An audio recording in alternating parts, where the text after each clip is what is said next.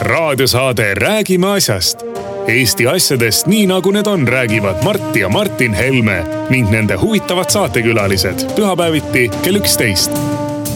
loe põnevate teemade kohta rohkem ka uudisteportaalist uueduudised.ee tere tulemast kuulama raadiosaadet Räägime asjast. me räägime asjast Re raadios, Ring FM-is, Ruut FM-is ja oleme kuuldaval ka Kuressaare karantiini pandud Kuressaare Vereraadios äh,. eriti äh,, eriti südamlikud tervitused meie saare rahvale äh,. räägime äh,, räägime siis esimest korda taasiseseisvunud Eestist, kus on kehtestatud eriolukord.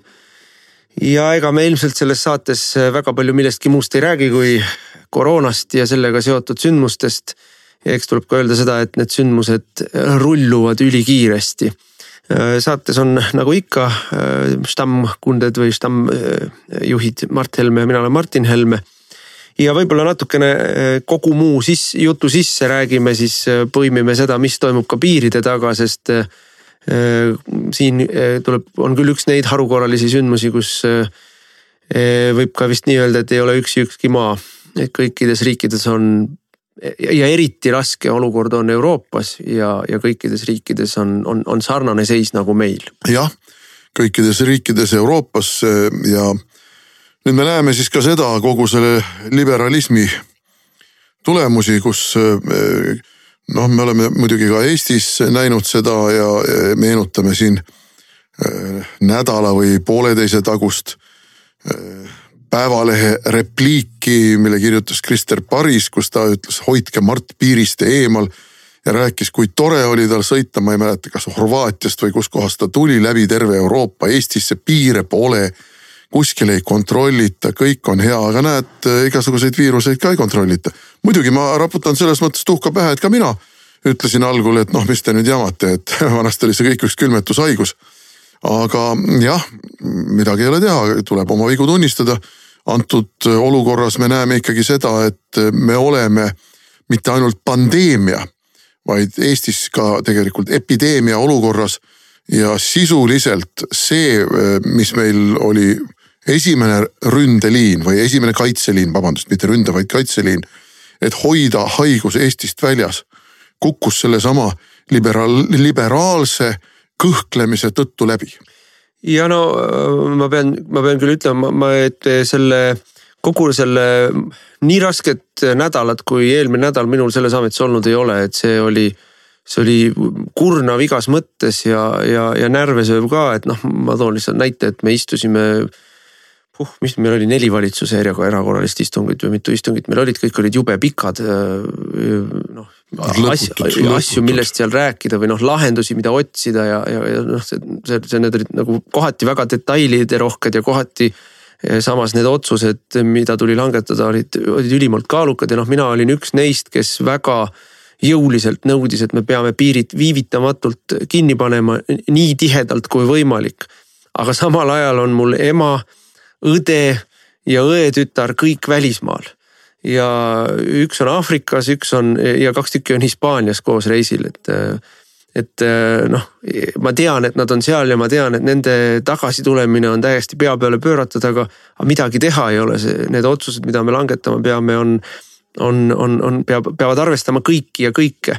ja, ja noh, üks, üks kõige, üks kõige raskem, raskem otsus või kõige noh, ma ei tea, selline otsus, mis mulle kõige rohkem endale nagu äh, vaevab, on see, et me pea, meil lõpetatakse Eestis äh, jumalateenistused ära. aga samas ma väga hästi saan aru, et see on vältimatu otsus, sest et äh, kirikus käivad meil eelkõige vanemaealised inimesed. armulaua jagamisel on see kontakt vahetu ja limas kestale, nii et noh, see on nagu kõige ohtlikum variant üldse. nii et äh, noh, sellise, selliseid valikuid tuli teha ja ja, ja, ja noh, see vastutus on meie peal. no kui nüüd jumalateenistustest rääkida, siis eh, palvetada saab iga inimene kodus, palvetada saab iga inimene ükskõik kus ja ükskõik millal. et selles mõttes kontakti jumalaga ja jumala armu palumist ja juhatuse palumist, see ei ole ainult kirikus toimuv ega kiriklike riitustega saadetav ja teostatav asi, nii et, et eks me läheme siis selles mõttes tagasi ma ei tea, algkristlaste ja katakombide perioodi, kui nii ajalukku vaadata. aga mm, jah, ega need otsused ei sündinud kergelt ja ega need otsused tulevad nüüd tagantjärele. sest nii nagu ma ütlesin ka valitsuse pressikonverentsil äh, neljapäeval, et need otsused, mis võeti vastu äh, kolmapäeval või neljapäeva hommikul või mul lähevad juba segamini kõik need asjad. Need otsused olid raamotsused. Need otsused tuli ja tuleb sisustada tegelikult sellega, kuidas neid asju ellu viia. tuleb jõustada jah, ja see võtab noh, noh, ma peaks ütlema, et üks, üks, üks, üks asi on selge, et et see, kuna need sündmused rulluvad väga kiiresti ja, ja olukord on ülimalt dünaamiline, noh, ütleme muutused tulevad tundidega, siis siis see vajab teatavat sellist mentaliteedi muutust. Ja ma arvan, et see mentaliteedi muutus käis Eestis ära kusagil neljapäeval et kuni sinnamaani veel, veel, veel selle nädala alguses. Noh, väga palju oli sellist hoiakut, et ärge reageerige üle ja mis te paanitsete ja mis te, mis te siin üldse, mis te, mis me, miks me sellega tegelema peame ja, ja, ja, ja, ja ka riigiametites oli selline tavapärane asjaajamise viis kogu aeg ja, ja sellele ümber lülitumine uude režiimi, see on tulnud väga vaevaliselt. rutiinne, mõtleme läbi, paneme töörühma kokku, kooskõlastame võtame arvamused, noh, see on niisugune tüüpiline rutiinne tegevus, aga praegu ei ole enam rutiinne tegevus. kõikidel on vaja ühest asjast aru saada. Eesti ei ole enam riik, mis peaks oma piire sulgema sellepärast, et siia tuuakse sisse haigust. vaid Eesti on riik, millele hakkavad juba teised riigid piire sulgema, sest Eesti on üks kõige suurema nakatunute arvuga riik Euroopas, kui me võtame elanikkonna arvu ja, ja see peaks nüüd küll mõtlema panema kõiki, kui me siiani vaatasime, no kuskil seal Hiinas, oh neid on miljard kolmsada miljonit. kuskil seal Prantsusmaal, neid on kuuskümmend kuus miljonit, mõned Saksa liidumaad, noh, see on nii kauge ja neid on nii palju ja need üksikud juhtumid. aga kui meil on praegu mm, väikeses Eestis praktiliselt kogu Eesti kaetud juba haigusjuhtumitega, siis see on juba Eesti-sisene, noh, pandeemia ei ole õige sõna aga, aga epideemia. ja me ei saa, me ei saa sellele jätta reageerimata ja me saame loomulikult kõik väga hästi aru ja mistõttu valitsuses ka kõik need otsused on sündinud teatud viiteaegadega ja konsulteerimiste ja info kogumiste ajakuluga. on see, et me peame ju tagama selle et meie inimesed saaks koju. me peame tagama selle, et Eesti ei jääks ilma kütuseta, ilma välismaalt sisse toodud mingite muude. no jah. et, et kõik need sündmused, kõik need asjad on meil vaja läbi kaalutleda. pikk, pikk mõttevahetus oli reedel, mida me teeme kaubaautojuhtidega kuidas me neid kontrollime, kas me peame nad karantiini panema no ühesõnaga. sa ei saa panna, eks ole, see rekkamees tuleb üle piiri, sa ei saa teda panna kaheks nädalaks seisma, sest et ta peab sealt piirilt oma kaubaga jõudma kuhugi. ja, ja nüüd, nüüd on need lahendused enam-vähem juba hakkavad vormuma ja me saame nendega edasi minna ja no kui me räägime nüüd sellest, et Eesti on, Eestis on, me oleme siinsamas saates mitu korda rääkinud, et meie esmane, meie esmane ülesande püstitus oli, oli hoida kontrolli piiridel niimoodi, et üle piiride Äh, sisse tulevad haigusjuhud tuleks kohe tuvastada, kohe äh, isoleerida. et, äh, et siis ei teki meil seda ohtu, et meil on riigisiseselt mingi plahvatuslik haiguste kasv.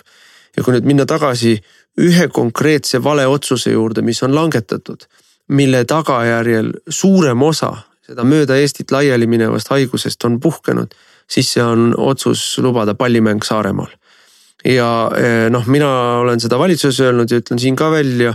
mulle ei ole vastuvõetav see, et me ei tee selgeks, missugune oli see otsustamisprotsess, kes need otsused langetas, keegi peab vastutama selle eest. sest et see on mäng inimeludega, siin on, keegi peab vastutama selle eest, et niisugune, eh, see, see ei saa lihtsalt olla, et ups, ups, eh, see ei ole vastuvõetav, et ükskõik, kas me vaatame Võrusse või Tartusse või me vaatame Pärnusse või me vaatame kuskile Raplamaale need äh, juhtumid on puha kõik tagasiviidavad Saaremaale ja noh, ja Saaremaa ongi meil ju äh, eraldi kõige selgemalt e, ka Eesti mõõtmes kõige selgemalt eenduv koht. Saaremaal on nakatunute arv ühe elaniku kohta noh, kaugelt-kaugelt kõigist teistest kõrgem. mis on ka põhjus, miks me siis ju panime Saaremaa maakonna, tegelikult kõik Eesti saared siis karantiini. ja osad saared panime karantiini selle jaoks, et haigus sinna sisse ei läheks Saaremaa panime karantiini selle jaoks, et haigust sealt rohkem välja ei tuleks. jah, kui me võrdleme Tallinna ja Harjumaaga, kus on põhimass Eesti elanikest ja Saaremaad, kus on eh, elanikke juba alla neljakümne tuhande järele kolmkümmend umbes jah eh, siis me ikkagi võime öelda, et Tallinnas ja Harjumaal eh, haiguse mm, kandjaid, haiguse levik on noh, haiguse viiruse kartmine on tunduvalt väikese, väiksema tõenäosusega kui Saaremaal ja no vahe on lihtsalt selles, et mida hõredamalt see asustatud piirkond on, seda väiksem on võimalus, et inimesed omavahel kontakti lähevad, et ma, tähtis muidugi on see, meil oli ju pikk arutelu seda, see, see oli nüüd nädala alguses, kui me veel erakorralist olukorda ei teinud, et kui me andsime suuniseid haridusasutustele näiteks. et kui tuleb laps, kes on haige Äh, siis mismoodi käituda, no siis öeldi, et ah kool, esi, esimene ettepanek oli see, et kool ära desinfitseerida ja haridustööd jätkata, ma ütlesin, kulla, kulla inimesed, et see ei ole ju see äh, efektiivne. küsimus ei ole selles, et inimesed on nakatanud mingeid ruume. küsimus on selles, et inimesed on nakatanud teisi inimesi ja ruumid saab puhtaks teha, need, see, see haigus on selles mõttes desinfitseeritav suhteliselt kergelt, et Mm, äh, põhimõtteliselt seebiveega üle lasta ja, ja, ja on, on see patsill surnud. Ehm, hoiad veel päevavahet ja ta sureb päikesevalguse käes, sureb päris kähku ära. aga, aga inimeste ütleme siis nakatumine lööb välja keskeltläbi viie päeva pärast ja, ja see, see noh, neid inimesi uuesti kokku lasta ei saa, sest et nad nakatavad siis edasi ja edasi ja edasi. et see, mis meil on vaja saavutada, on see, et iga nakatanu nakataks vähem kui ühte inimest.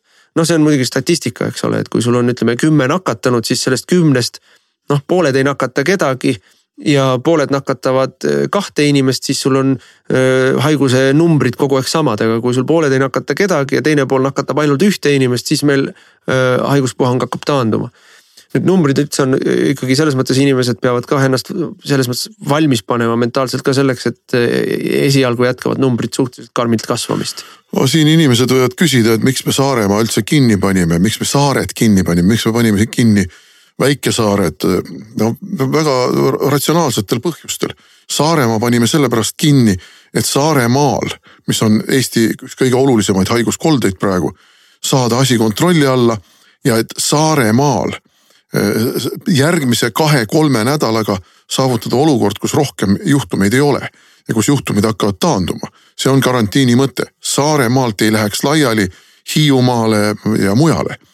ja miks me panime kinni Hiiumaa, miks me panime kinni Kihnu, Ruhnu? aga väga lihtsal põhjusel, need on puhtad praegu, et sinna ei lähekski. nii et noh, siin kaalutlused on väga ratsionaalsed ja noh, inimesed ikkagi peavad ka ise loomulikult olema vastutustundlikud sest päevaselge on see, et me iga paadi juurde ja, ja iga mingisuguse mereäärse kivi juurde ei saa ju panna valvurit ja kontrolli ja, ja üleüldse me ei, no kui inimesed tahavad oma vastutustundetusega esile kutsuda selle olukorra, mis mõnedes riikides juba on, et on komandandi tunnid ja tänaval liikumise kontrollid ja kõik muud siis, äh, siis see on, siis see on inimeste vastutustundetuse küsimus. aga ma ütleksin äh, küll, äh, noh, mul on olnud rõõm tõdeda, et selle, nendel viimastel päevadel ma näen väga selgelt, kuidas terve Eesti hoiab ühte ja ma näen väga selgelt, kuidas inimesed tõepoolest käituvadki väga vastutustundlikult ja käituvad väga ettevaatlikult ja nad tegelikult lihtsalt väga tahaksid, et neile antakse suuniseid, mida me peame tegema, kuidas me peame tegema, mida me tegemata peame jätma. et, ähm, et noh, kuidas me, kuidas me äh, selles olukorras olema peame, nii et see oleks äh, mõistlik ja, ja aitaks kaasa olukorra lahendamisele. nii et noh, selles mõttes mina olen küll väga tänulik Eesti inimestele, kes on, kes, ma ei ole näinud küll, ei noh, eks meil eks meil võib mingeid üksikjuhtumeid olla, aga ma näen väga selgelt, kuidas inimesed mõtlevad kaasa, töötavad kaasa, ettevõtted mõtlevad kaasa, töötavad kaasa. omavalitsused mõtlevad kaasa, töötavad kaasa. et selles mõttes on, siin on nagu, mul on ainult tänu ja kiitust avaldada sellele, missugune on olnud kogu ühiskonna reaktsioon ja, ja noh, nagu ma ütlesin, tegelikult ega siin kohe ei lähe paremaks. lähiajal läheb ikkagi edasi halvemaks ja selle väga lihtsal põhjusel, et et kuni karantiinide kehtestamiseni või, või siis sellisele väga väga jõulisele inimeste omavahelise suhtluse piiramiseni. noh, inimesed omavahel suhtlesid ja haigus, nakatus või levis vabalt ja ta lööb välja alles nüüd hakkab välja lööma, noh nagu ma ütlesin, et keskmine, keskmine peiteperiood viis päeva, noh kuni nädal aega, aga öeldakse ka kuni kaks nädalat. ja ekstreemsetel juhtudel veelgi kauem. See tähendab seda, et nagu umbes kaks nädalat me näeme kindlasti numbrite suhteliselt karmi tõusu. aga see ei tähenda seda, et meil karantiin ei töötaks. see, see tähendab seda, et, et, et kui me kuskil kahe-kolme nädala pärast ei näe haigusjuhtude arvu peatumist ja langusesse minemist, siis see tähendab, et karantiin ei tööta nojah, teiste riikide kogemus, need, kus see alguse sai Aasia riigid eelkõige Lõuna-Korea, Taiwan, Singapur. Seal äh, kogemus näitab seda, et need meetmed, mis võetakse kasutusele, riiklikud meetmed, hakkavad toimima umbes kümne päeva pärast. et meil on kuskil poolteist nädalat, nädal-poolteist, enne kui meil äh, tõepoolest ilmneb nende piirangute efekt. ja, ja noh, midagi ei ole teha, enne seda kasvab ja see äh, võib muidugi mõjuda ühiskonnale frustreerivalt, et näed, rakendati neid ja neid piiranguid, aga ometi neid juhtumeid tuleb juurde. Ja me ei saa ju välistada ka seda, et mõni juhtum võib osutuda ka fataalseks. et see võib ühiskonda frustreerida, et algul tundub võib-olla, et efekti ei ole, aga ärge muretsege, efekt tuleb. Ja muidugi ma julgen hoiatada inimesi ka, et neid piiranguid tuleb juurde. No paratamatult jah, et ega me ei jõudnud ka esimese, esimese hooga kõiki, kõiki läbi mõelda ja kõike ära kehtestada ja võib-olla ka ei, olnud seda päris valmidust Urmas Reinsalu ütles, issand jummel, me läheme täiesti kalvinistlikuks riigiks, kuskil ei või käia, midagi ei või teha et ähm, ei olnud ka päris valmidust kõiki asju kohe korraga rakendada.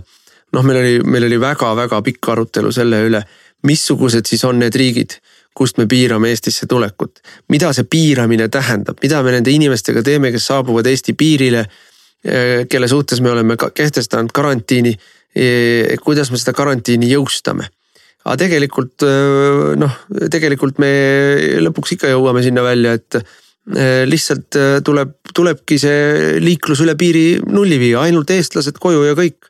ja ainult siin olevad välismaalased välja ja kõik et ega, ega teistmoodi seda, see, see tegelikult teistmoodi ei hakka lihtsalt tööle. ja, ja noh, selle üle ka, et noh, kas me, meil oli, ma juba pakkusin kohe, ma ei mäleta, kas nädala alguses või millal ma ütlesin, et noh, liiklus, laevaliiklus Rootsiga vähemalt kohe kinni. aga no alguses inimesed ütlesid, ei ole mõeldav, see ei ole võimalik. aga lõpuks ikka pandi laevaliiklus kinni. no laevaliikluse pani kinni Tallink ise sest tal ei olnud mõtet neid laevu sõidutada, ega laev ei ole mingisugune mängulootsik sul no.. seal on peal sul personal, sul on peal teenused, sul on, on kütusekulud, sul on sadamatasud, igasugused lootsitasud, ma ei tea, mis tasud veel. et äh, ei ole mingit mõtet maksta tüh-, peaaegu tühja laeva sõidu puhul seda.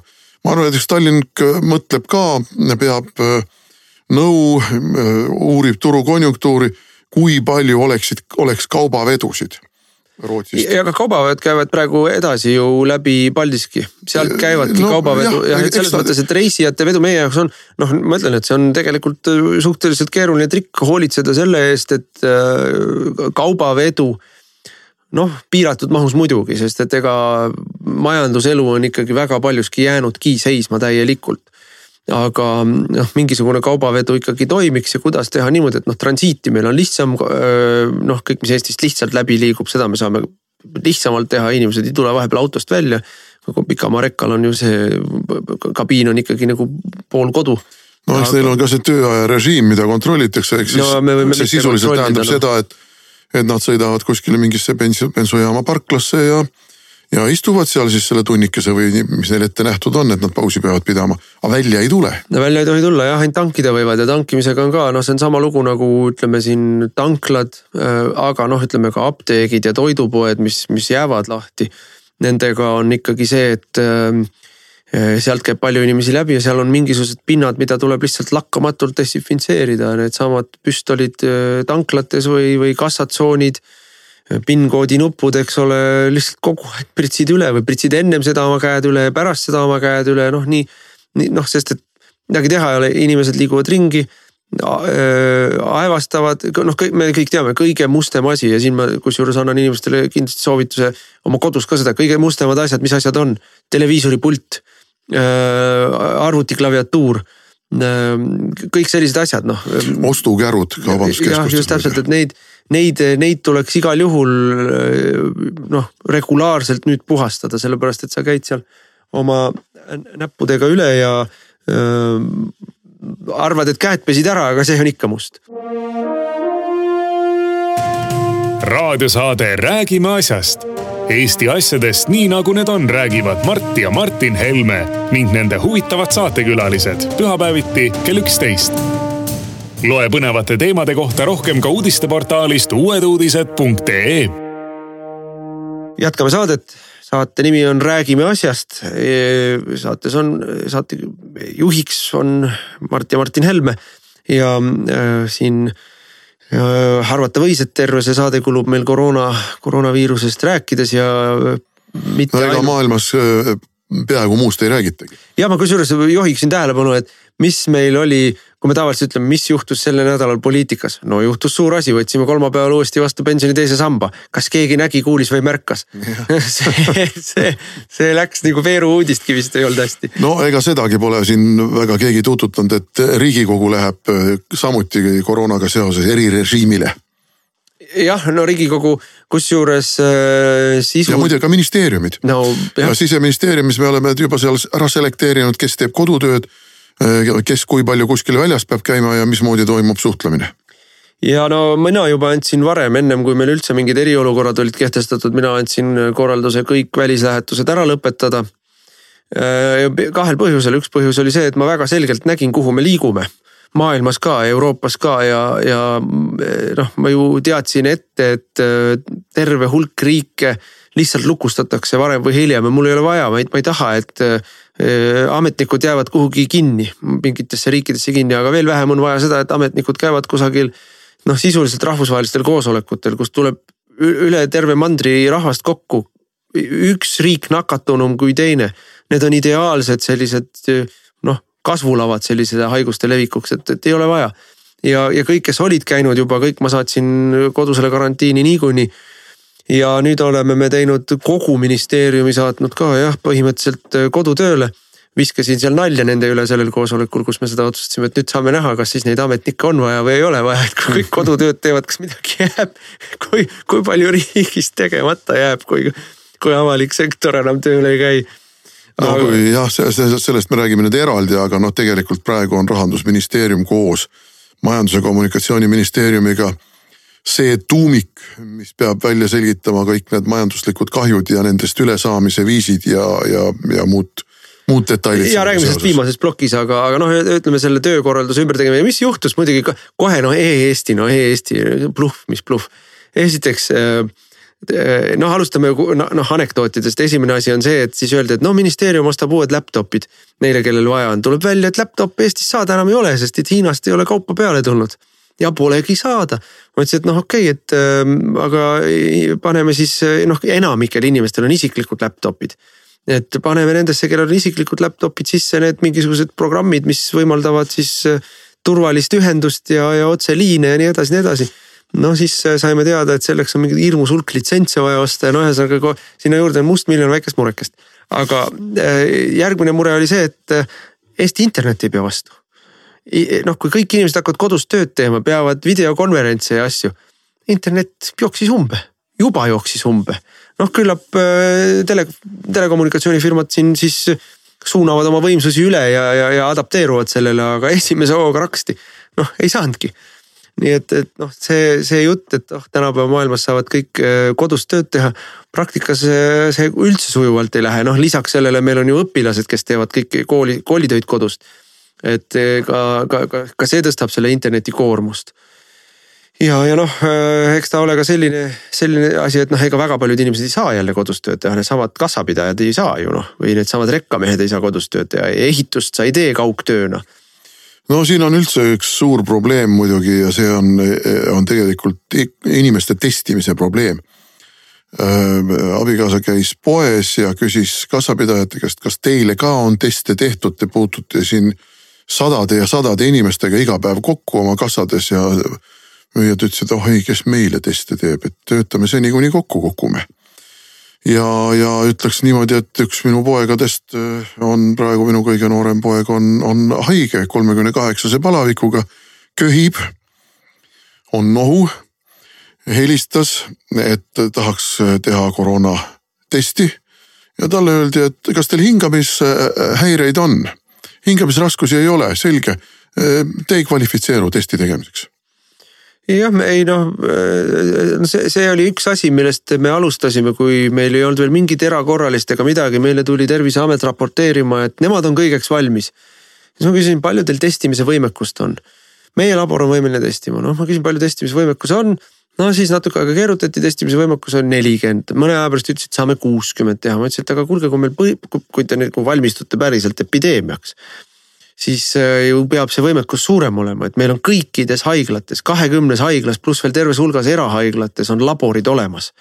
et nendele noh, et teeme ettevalmistused nende, noh küll oldi vastu, ei ole vaja, ei ole mõtet, no suure-suure, no põhimõtteliselt käte väänamise peale ja siis lõpuks äh, hakati neid äh, ka teistes kohtades neid teste tegema, nüüd me oleme järgmise mure ees kehtestati protseduurid testide tegemiseks, et ainult kiirabi saab testi teha koha peal, sest et noh, täiesti mõistetavalt inimesed ei tohi tulla EMO-sse, inimesed ei tohi tulla perearstikeskusesse seda testi tegema ja, ja noh, kui nüüd me oleme jõudnud selleni, et meil tehakse päevas mitusada testi, siis loomulikult kiirabi ei jõuagi nende kõigini tulla, Saaremaal jooksis täiesti umbe asi. nojah, nüüd on siis leiutatud ka siin niisugused üleminekuvariandid või hädavariandid, et Tallinnas pandi mingisugune telk püsti, kus siis jagatakse inimesed ära, kes läheb EMO-sse, kes ei lähe EMO-sse, kes läheb statsionaari, kes ei lähe kellelt võetakse siis kohapeal äh, test ja, ja nii edasi no,. Saaremaal otsustati, et inimesed sõidavad kohale ja, ja võetakse otse autost, et inimene välja ei tulegi, meedik tuleb sinna auto aknast. aga, aga selle asja nimi on, selle asja nimi on paindlikud lahendused ja praeguses olukorras peavadki olema paindlikud lahendused. just nimelt ei saa Just olla lihtsalt kinni oma mingisuguses aga noh, siin on selgunud muidki asju, kui reipalt raporteeriti kolm nädalat tagasi, et Eesti on koroonaviiruse saabumiseks valmis siis nüüd tuleb välja, et tegelikult ei ole valmis, tegelikult ei ole piisavalt isikukaitsevahendeid, maske, kindaid. maske on, aga need ei pidavat olema ikkagi need kõige paremad maskid. ja, ja, ja noh, ühesõnaga nüüd on siis leitud üks firma, kes Eestis neid toodab, aga ei tooda jälle äh, neid kõige moodsamaid ja kõige efektiivsemaid. et äh, noh, me näeme ikkagi seda, et kriis on kõige parem õppetund, et me oleme ju valitsuses ka läbi mänginud igasuguseid kriisiõppuseid ja kriisiõppustel kõik sujub aga. tead kui..., mina ütleks ei suju, see õppus, mis me tegime siin sügisel, kui oli see nii-öelda, me mängisime läbi pära, vahetult pärast seda, kui oli toimunud Võrus Äh, see suur elektrikatkestus ja siis me mängisime läbi äh, juba pool aastat varem paika pandud sarnase stsenaariumi ja noh mm, ja õppusel justkui me saime kõigega hakkama. Ja noh, see oli nagu selles mõttes naeruväärne, et nädal varem oli näha olnud, et tegelikult ei saada hakkama palju leebemates tingimustes, noh, seal oli karm talv oli pandud taustaks ja nii edasi, aga äh, noh, ja juba siis ma vaatasin, et noh, selline hoiak või noh, see mentaalne suhtumine oli selline, et noh, kõik, kõik ajasid näpu, näpuga järge mingisugusest manuaalist ja kõik ajasid näpuga järge, kes mille eest vastutab või ei vastuta. kriisis ei saa niimoodi, kriisis peab olema kiire, peab olema otsustav, peab julgeda vastu võtta ka ebamugavaid, ebameeldivaid otsuseid. Ja, ja noh, igal juhul tulema välja oma tavarutiinist, et kui sellest tavarutiinist välja ei tule, siis, siis see tavarutiin lihtsalt kukub raginal kokku jah, ja noh, eks me seda siis nüüd näeme, aga no nüüd tundub niimoodi, et ikkagi olukord, olukorra tõsidus on sundinud kõigil, kõigile seda, et nad on jalad kõhu alt välja lükanud ja, ja ma usun, et iga päev, mis läheb edasi, see jalgade kõhu alt välja lükkamine kiireneb veel aga ma ütlen ka seda, et valitsus on praegu minu arvates ka läbinud teatud murdepunkti. see, et kah niisuguse äraootav või noh, mingisugune kusagil kõrva taga elav lootus, et ah, küll ta läheb ehk ise üle, et see on nüüd täiesti kadunud. mis tähendab seda, et kui ikkagi asjad ei toimi, siis varem või hiljem toimub ka mingi näidishukkamine. et ülejäänud aru saaksid, et äh, ei ole niimoodi, et, et. ei noh, et keegi mitte millegi eest ei vastuta, see on nagu ikkagi, ma ütlen selle Saaremaa äh, pallimängu lubamine äh, on, on, on tegelikult noh, mina, ma ja oma sõnu väga hoolikalt valides ütlen, et see on kuritegelik hooletus see on kuritegelik hooletus. ja see ei ole, seda niisama ei saa äh, võtta, et äh, noh, kogemata või, sest et selle otsuse tegid inimesed, kelle, kelle tööülesanne, kes saavad palka selle eest, et nad neid riske kalkuleerivad. sel ajal oli viirus juba Itaalias sedavõrd tõsiselt levinud. Itaalia valitsus astus juba samme ja epitsenter Itaalias on Põhja-Itaalia keskusega Milano. ja Milanost tuli see võrkpallimeeskond siia ühesõnaga täiesti, täiesti süüdimatult. põlesid, kõik punased tuled rikkusid. kõik hoiatusmärgid olid olemas ja täiesti süüdimatult otsustati, et ei no pole probleemi, las tulevad. ja vaata, ma ütlen, kui seda otsustab kohalik vallavalitsus, et me lubame ürituse, siis ma saan aru, nemad oma seal saare peal elades ei ole selles infoväljas, ei mõtlegi nii, see ei ole, see ei ole nende vastutus aga äh, terviseametil on see vastutus, nendel on see infoväli, neile jookseb operatiivselt sisse see, mis teistes riikides toimub. Neile ja, ja nad on harjutanud seda, nad on õppinud seda, nad on seda, nad on selle jaoks vastavat äh, haridust ja koolitust saanud ja vastavad skeemid üles ehitanud, et. et keegi lasi mingisuguse metsiku apsaka sisse seal ja, ja andis selge nõusoleku, et jah, tehke nii et noh, minu meelest me sellest, sellest teemast mööda ei saa minna või üle ei saa lihtsalt veereda, aga hea küll. tegeleme sellega eraldi, sest et meil on praegu, praegu kiiremaid ja pakilisemaid asju, no kui me vaatame seda muidugi, kui me juba Itaaliast rääkisime, kui me vaatame seda, et mis siis, mis siis mujal maailmas toimub ma ütleks ka, et nii nagu Eestiski, tegelikult ka mujal maailmas toimus samasugune ärkamine, no eelkõige me räägime Euroopast, mingil määral ka Ameerikast, ka Ameerika oli võib-olla siin noh, ka Ameerika on suur, Ameerika on föderaalne, rahvahulgad on nii suured, kui sul seal on mingi paarkümmend või paarsada inimest Ameerika kolmesaja kahekümne miljoni inimese kohta, see on noh see, see on märkamatu. see on märkamatu number, eks ole, mis see oli, Chicago linnas sai ühes, ühel nädalavahetusel mm, gängide sõdades üle saja inimese surma, eks ole, noh. neegrid nottisid seal üksteist, aga noh, aga nüüd nad on ka sellest aru saanud, nüüd neil on see kohale jõudnud, et, et see on kogu riiki, kogu rahvast ohustav olukord. ja, ja, ja, ja, ja kuulutatud samuti riigis välja eriolukord ja, ja võetud vastu, aga mis mulle nagu väga avaldab muljet Ameerikast on see, et nemad ütlevad, et on olemas äh, nii-öelda isetehtavad testid. ja neid isetehtavaid teste kõik inimesed saavad teha ja, ja kõik inimesed saavad neid tasuta teha, et noh, nemad lähenevad sellele niimoodi, et kõik peavad testima ja kõik ja siis, kui tuleb testist välja, siis on juba eriprotseduur neile inimestele, et me peame sama suutma teha, me peame kõigil inimestel, kel see mure või see, see, see risk on, kõigile peab tagama testimise, seda ei noh, see, see tekitab äh, logistilist peavalu, aga see peab olema võimalik ei, me peame mõtlema ikka inimeste peale, me peame mõtlema, kogu see paanika on ikkagi praegu õhus.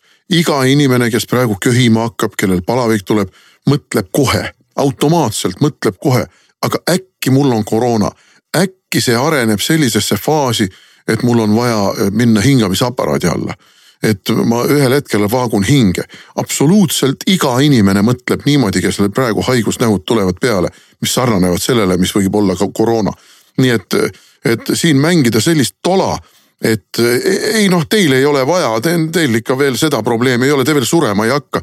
Te ikka hingata saate, õhk käib praegu läbi, noh siis pole midagi, see on nagu jänes vaatas oma poegi ja lõi käpaga pats otsa, et ütles silmad suured küll juba, võid omaette elama minna. et noh, see on umbes samasugune suhtumine, et ei noh, köha on, on küll jah, no me kõik köhime.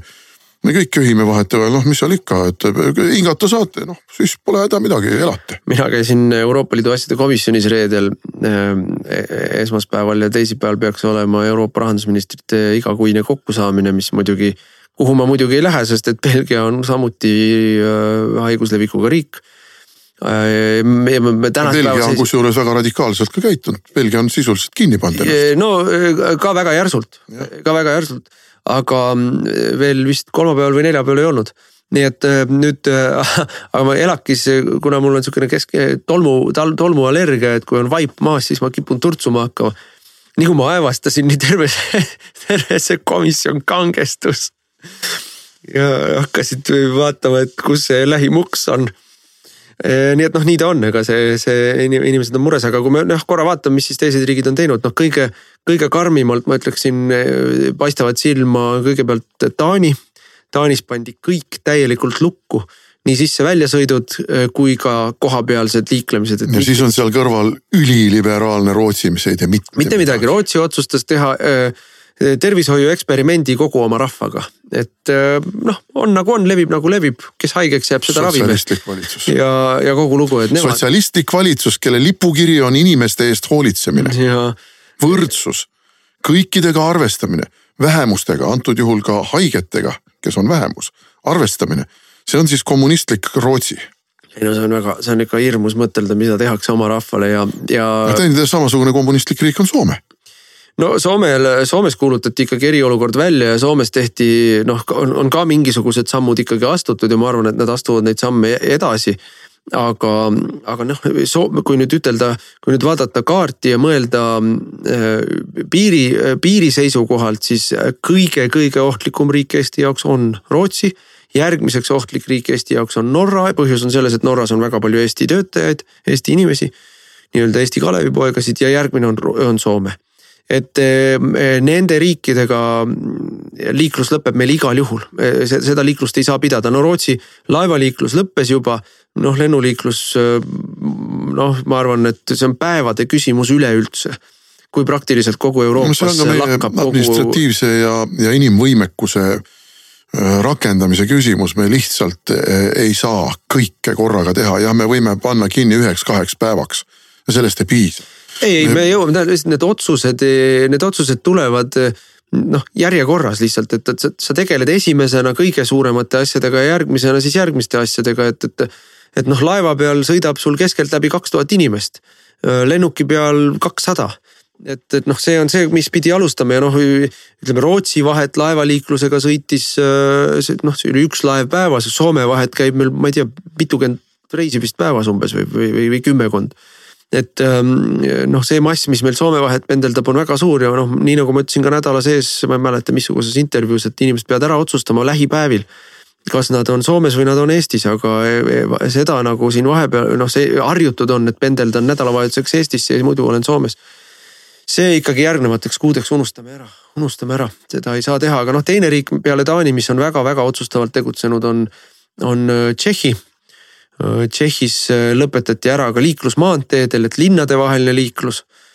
Äh, samasid meetmeid minu teada, noh, need, need uudised muidugi väga kiiresti muutuvad, kogu aeg tuleb sisse mingisuguseid uudiseid, kus mida teha. jah, ega me siin selles mõttes ei saa niisugust pühapäeva hommikust seisu lõplikult öelda, sest ka pühapäeva jooksul toimub kindlasti muutusi nojah, ja aga mida ma, mida ma kogu selle jutuga tahan rääkida, noh, Iisrael täpselt samamoodi, eks ole, väga-väga äh, jõuliste võtetega, mis selle jutu mõte on, on see, et Eesti ei ole teinud, äh, Eesti ei ole, ei ole käitunud radikaalselt.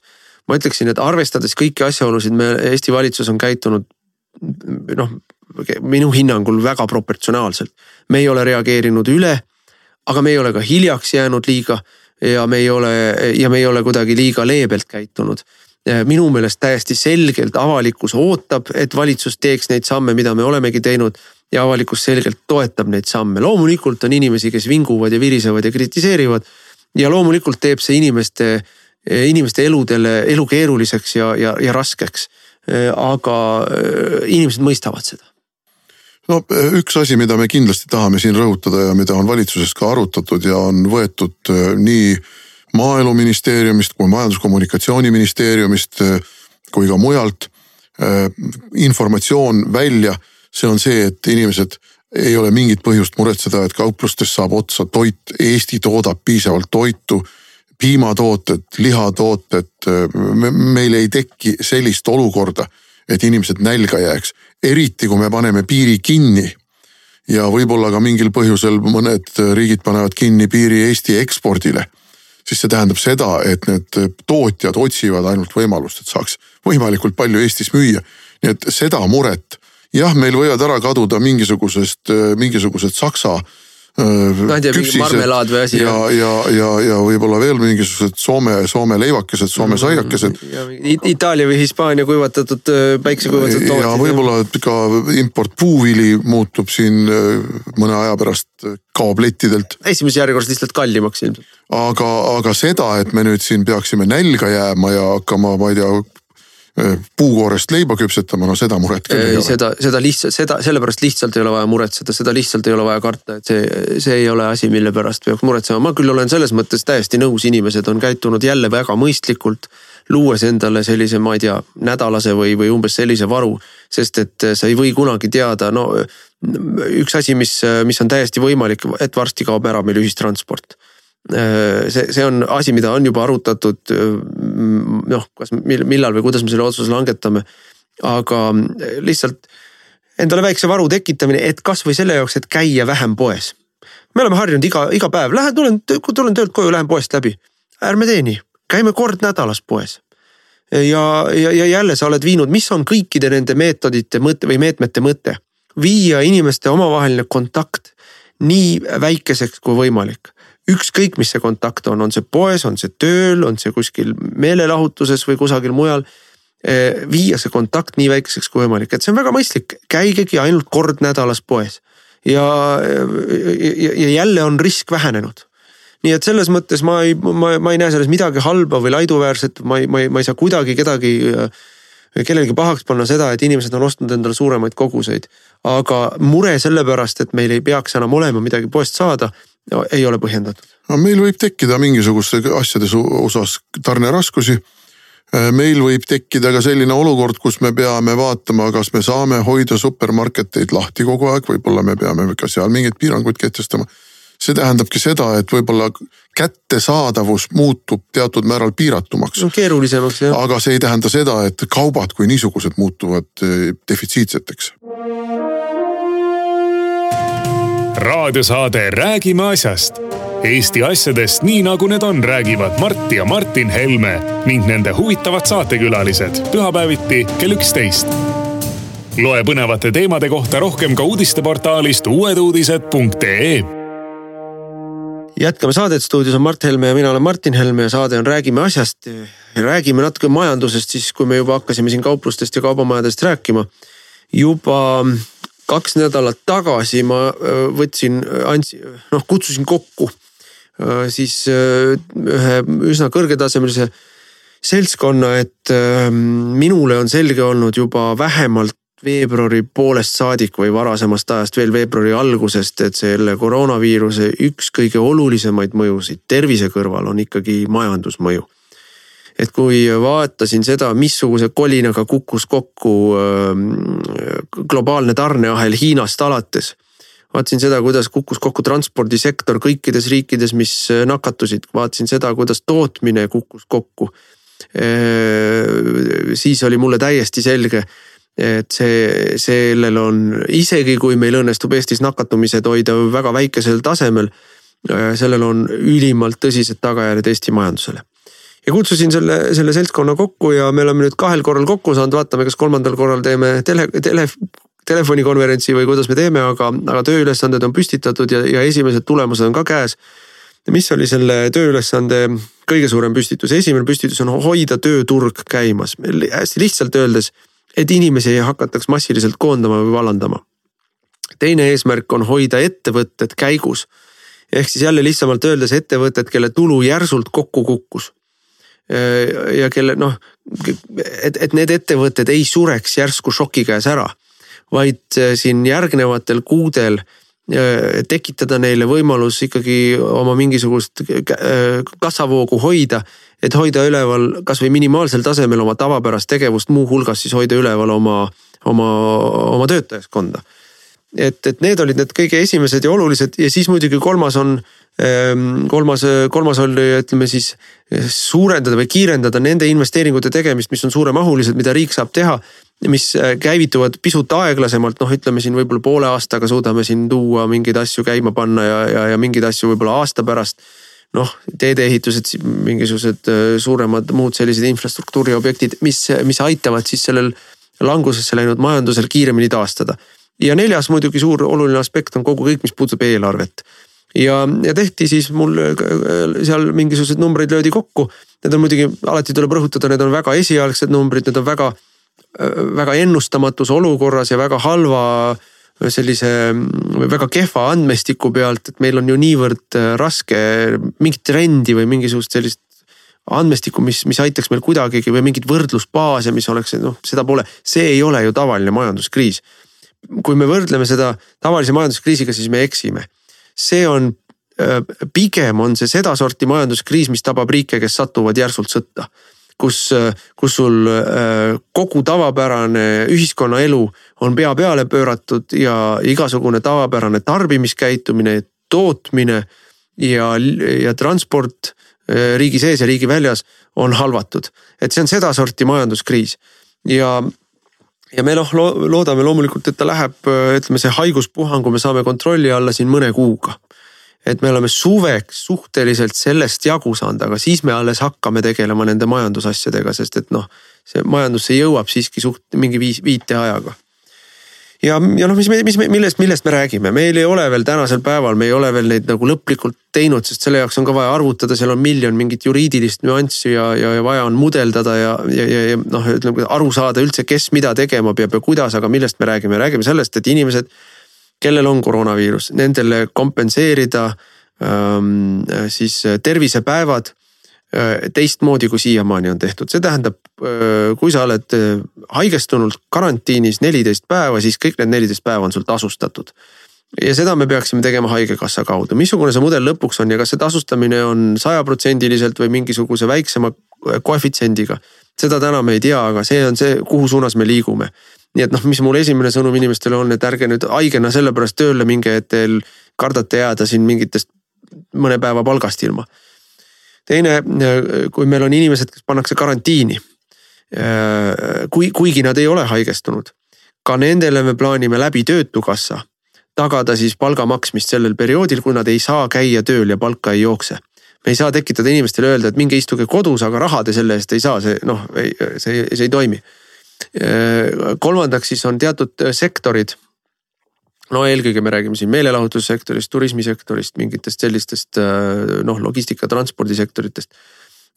kus koroona tõttu kukkus lihtsalt üleöö täielikult igasugune majandustegevus ära, no meil siin turismifirmad karjuvad, et neil neil on üheksakümmend protsenti tuludest on lakanud.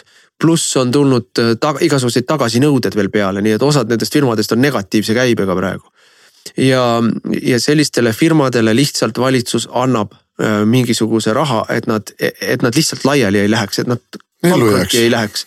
Äh, me loomulikult ei anna neile lõputult seda raha ja me ei pruugi neile anda seda raha siin jälle nende tavapärastes mahtudes, aga mingi kriitilise finantssüsti. ja mul jälle ei ole täna valmis skeemi veel, me, me saame järgmisel nädalal need skeemid valmis. Äh, mingisuguse kriitilise finantssüsti lihtsalt selle jaoks, et nad ellu jääksid, on meil plaan anda. äh, ja, ja noh, nendele firmadele, kellel lihtsalt majanduse näitajad lähevad järsult halvemaks, kes on nii-öelda puutumuses sellest, aga kes ei ole esimese löögi all. Äh, kes sellest nii-öelda üleüldisest majanduse jahtumisest või kukkumisest pihta saavad. plaanime me siis teha reegleid, et maksusid on pikemalt võimalik ajatada, me räägime siin vähemalt kaheks aastaks, noh, ütleme kaheaastasest perioodist, mitte praegu on, kui on mõnekuulised me räägime siin sellest, et me teeme mingisuguseid maksusoodustusi või maksumoratooriumeid mingites sektorites. Nii et need on noh, kõik need on need meetmed, mis me näeme.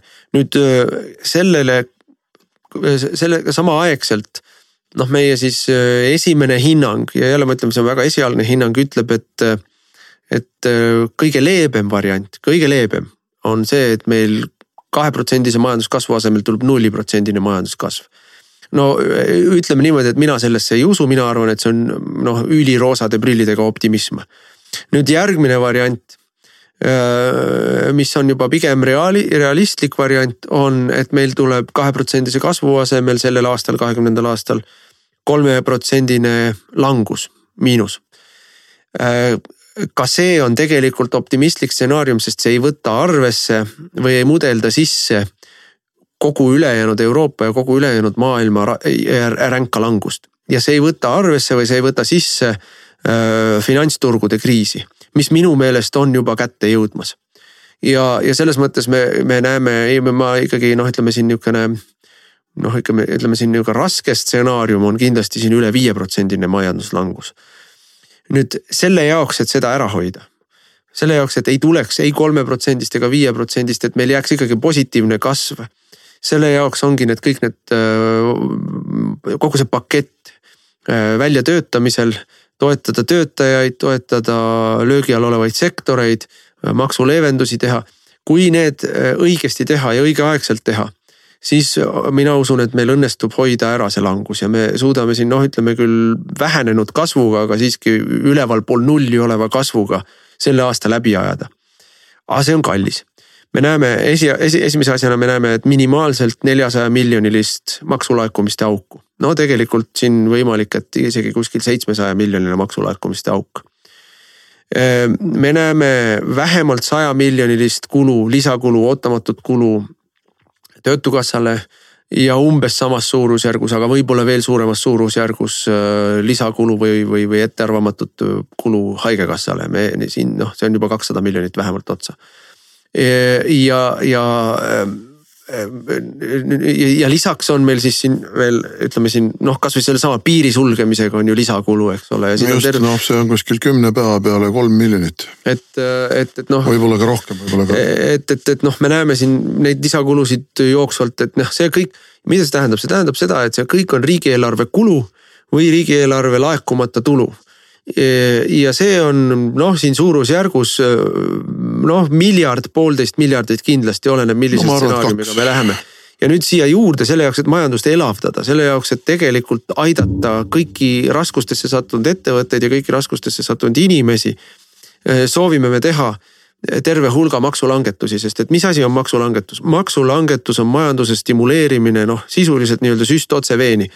et see on raha laiali jaotamine erasektorisse, nii tarbijatele kui ettevõtetele otse, kohe. see ei ole läbi investeeringute, käenduste, laenude, see on raha andmine majandusse otse. ja noh, selle teine pool loomulikult tähendab ju riigieelarve laekumiste poolel miinust ja see on, see on kindlasti noh, me räägime siin ka mingisugusest noh sadadest miljonitest kindlasti. no üks asi, mida muidugi tuleb nüüd ikkagi teha, nüüd on ikka vaja gaas põhja vajutada ka nende suurte infrastruktuuriprojektide äh, käivitamiseks äh, nii-öelda niinimetatud PPP-de näol. sest kui meil tekib ühel hetkel selline olukord, meil juba on praegu muide märgid sellest, et meil kinnisvaraturg jääb seisma. sest et noh, siin on kõik see seotud ka pankadega ja pankadepoolsete finantsskeemide ja, ja lahendustega. aga mm, kui me, kui me tahame, et meil inimesed saaksid tööd äh, kui me tahame, et meil raha lihtsalt ei põleks ära vaid läheks millekski, siis me peame astuma samme ja võtma suuri infrastruktuuriprojekte käsile jah, absoluutselt, kusjuures see on eriti mõistlik selle tõttu, et praeguses majanduskeskkonnas on täiesti selge, et ehitamine läheb jälle odavamaks. täiesti selgelt läheb ehitamine jälle odavamaks, nii et praegu teha seda, kui üldse on kunagi olnud vastutsüklilisi meetmeid mõtet rakendada, ehk siis langusperioodis majandust stimuleerida, siis praegu on see aeg. ja siis praegu tuleb kasutada ära kõik oma reservid sest et noh, kui me praegu ka ei kasuta ära puhvreid ja reserve. järjest odavamaks, Euroopa Keskpank teatas jälle, et ma ei tea, kui, kui suures ulatuses ta hakkab raha trükkima, seda muidugi avalikult üldse ei öeldudki, kui suures ulatuses see tähendab seda no,. tegelikult öeldi niimoodi, et nii palju kui vaja. nii palju kui vaja, no sisuliselt on Nõukogude Liidu lõppaeg, mina mäletan, kui visati nalja, et, et kui noh, ütleme, et Nõukogude Liidus kuskil aastal tuhat üheksasada üheksakümmend, ütleme, oli inimesel palk mingisugune kolmsada rubla. niimoodi ja siis lühikese ajaga, kõigest umbes aastaga tõusid palgad tuhandete rublade peale. aga osta said sa selle, nende tuhandete eest vähem kui selle mõnesaja eest.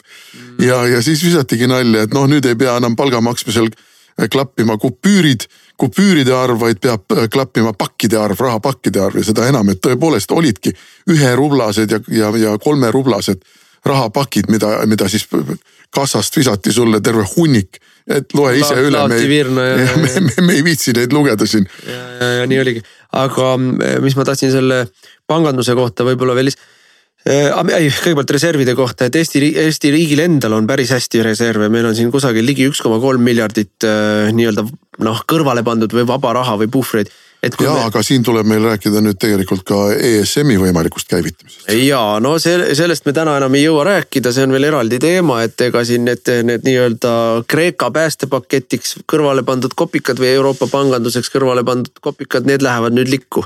Jürgen Ligi äh, kuulutus, et me sealt teenime raha, noh, saab siis nüüd nii-öelda reaalsuskontrolli aga ka pankadel endal on praegu reservid ja, ja, ja noh, ma ütlen jälle, et kui praeguses olukorras, kui neid reserve ei kasutata praegu, siis ma ei tea, millal üldse peaks reserve kasutama, et milliseks, milliseks ajaks siis üldse hoitakse neid reserve, et praegu tulebki kõik reservid kasutusele võtta ja ära kulutada või noh, kulutada nii palju, kui vaja on, ütleme täpsemalt. muide, ma ütlen siinkohal ühe repliigi Kadrioru suunas. kui Kadriorus jäetakse praegu teise pensionisamba reform välja kuulutamata, siis see on kriminaalne. Siis see on kriminaalne, sest et see tähendab seda, et inimeste raha põleb, põleb edasi, edasi ja, ja põleb ikkagi suure leegiga, seda esiteks, teiseks riigil jääb võimalus eh, nende finantsskeemide kasutamise osas ära. Jah, see on ka selge, aga noh, siin oli väga suurt äh, sellist poleemikat või, või, või, või noh, ma ei tea siis no kriitikat lausa ikkagi meediast tuli väga tõsist kriitikat, ma küll ei tõstnud toru siin, mingisugused lapsajakirjanikud saatsid mulle peaaegu hüsteerilises toonis nõudlikke küsimusi, miks me laename raha, miks me plaanime raha laenata, mille peale see kavatsetakse kulutada ja nii edasi, nii edasi. et ähm, ma ütleks niimoodi, et mina näen väga selgelt, et me vare, väga kiiresti liigume ka finantskriisi suunas ehk siis panganduskriisi suunas. Ja mina tahaks küll, et Eesti riik tõstaks endale raha ennem seda, kui see raha läheb kalliks või seda polegi enam saada, nii et me peame laenama enda, enda puhvrid veel suuremaks, et seda järgnevatel kuudel ja aastatel võib-olla siis kasutada. aga meil on laenuruumi, oh kui palju, see kaks miljardit, mis meil nii-öelda miinust kulub no ta võib ka olla kolm miljardit või ta võib veel rohkem olla. Ja me oleme, kui me ka selle kõik oleme ära kulutanud, kui me selle kulutamisega suudame hoida Eesti, äh, Eestis tööhõivet, ettevõtted töös ja majanduse plusspoolel siis see on kõik õigesti ja hästi kulutatud raha. no aga me suudame inimestel toidu laua peal hoida, et inimesed, no kui me nüüd ikkagi vaatame praegu selle viirusega seoses missuguse paugu saavad väikeettevõtjad, igasuguste jõusaalide pidajad ja kohvikute pidajad ja ma ei tea, mis asjade pidajad turismitalud, värgid. no see tuleb kuskilt eh, kompenseerida. ja seekord ei ole Soome võimalik minna enam. ei ole ja ei soomlane ei tule siia. Soome turist. Soome turist ja, ja ei ole võimalik jah Soome minna, Kalevi... Soome marjamaale. ei, vastupidi, ma ütleksin, et sealt eh, kõik riigid hakkavad meie töötajaid välja viskama vaikselt, noh. ühesõnaga ma, ma noh, ütleme lõputuseks, lõpetuseks ütleksin niimoodi, et see, millest inimesed aru peavad saama, on, et meie silme all Äh, senine maailm ongi, tegelikult lakkab olemast. meie silme all senine maailma toimimine nii majanduslikus mõttes kui see, mis kõik need teemad, mis siiamaani olid tähtsad. Äh, kõik on teistmoodi, kõik on teistmoodi, see noh, see võib olla väga hirmutav. see ei tähenda, et meil oleks nagu mingisugune tohutu kataklüsm või maailma lõpp aga see nii-öelda külma sõja järgne globaalne ajastu lõpeb meie silme all. ja, ja, ja, ja, ja järgnevatel kuudel toimuvad väga olulised muudatused, väga suured muudatused, millest, mille, mille järel me elame täiesti teistsuguses maailmas no,. täiesti teistsuguses Eestis ka. mina ei tea, kas keegi tahab Igor Mangi uskuda, aga Igor Mangi ennustus ütleb seda, ütles seda, et märtsis-aprillis saavad olema väga rasked ajad, levivad haigused ja nii edasi aga maikuus olukord rahuneb, suvi elatakse kenasti üle, aga sügisel läheb veel hullemaks kui me võtame majandusloogika, kui me võtame sellesama rahandusliku loogika, siis võibki nii olla, et praegu kuidagimoodi lapitakse tati ja traadiga veel kokku. pandeemia läheb üle suveperioodil, sügisel tuleb tagasi ja sügisel kukub ka see majanduslik äh, süsteem kokku ma ei ja, taha muidugi inimesi hirmutada. nüüd ajasime saate lõpul kõigil inimestel pea halliks. aga ajame selle süü Igor Mangi kaela halvade sõnumi toojatele ikka ei ole kunagi hästi. aga ma, ma siiski, ma, ma sooviksin lõpetada siiski positiivse noodiga, et minu meelest ma, ma tulen tagasi selle juurde, mis me saate alguses ütlesime, et minu meelest Eesti inimesed on käitunud väga vastutustundlikult, väga ratsionaalselt, väga mõistvalt. me saame sellest kõigest koos üle inimesed on äh, noh ennast viinud sellele arusaamisele või noh, neile jõuab see kohale, et nüüd ongi teistmoodi, nüüd tuleb omalt poolt pingutada ja kõik pingutavadki. ja, ja kerge see ei saa olema. Äh, aga, ja see, mis pärast, missugune see maailm on pärast, on kindlasti teistsugune, aga ta ei pruugi olla halvem. ja mina tahan veel öelda lõpetuseks, et ja, ja vastutustundlikult, jõuliselt ja järjekindlalt käitub ka valitsus aga nii on äh, meie saade läbi saanud selle, selle tunniga. Äh, soovime teile kõigile ilusat kevadist nädalat. hoidke ennast, hoidke oma lähedasi, proovige võimalikult vähe liikuda ja kohtume jälle nädala pärast. Te kuulasite raadiosaadet Räägime asjast. saate eest tasus Eesti Konservatiivne Rahvaerakond. järelkuulamine internetist reeraadio.ee ja uueduudised.ee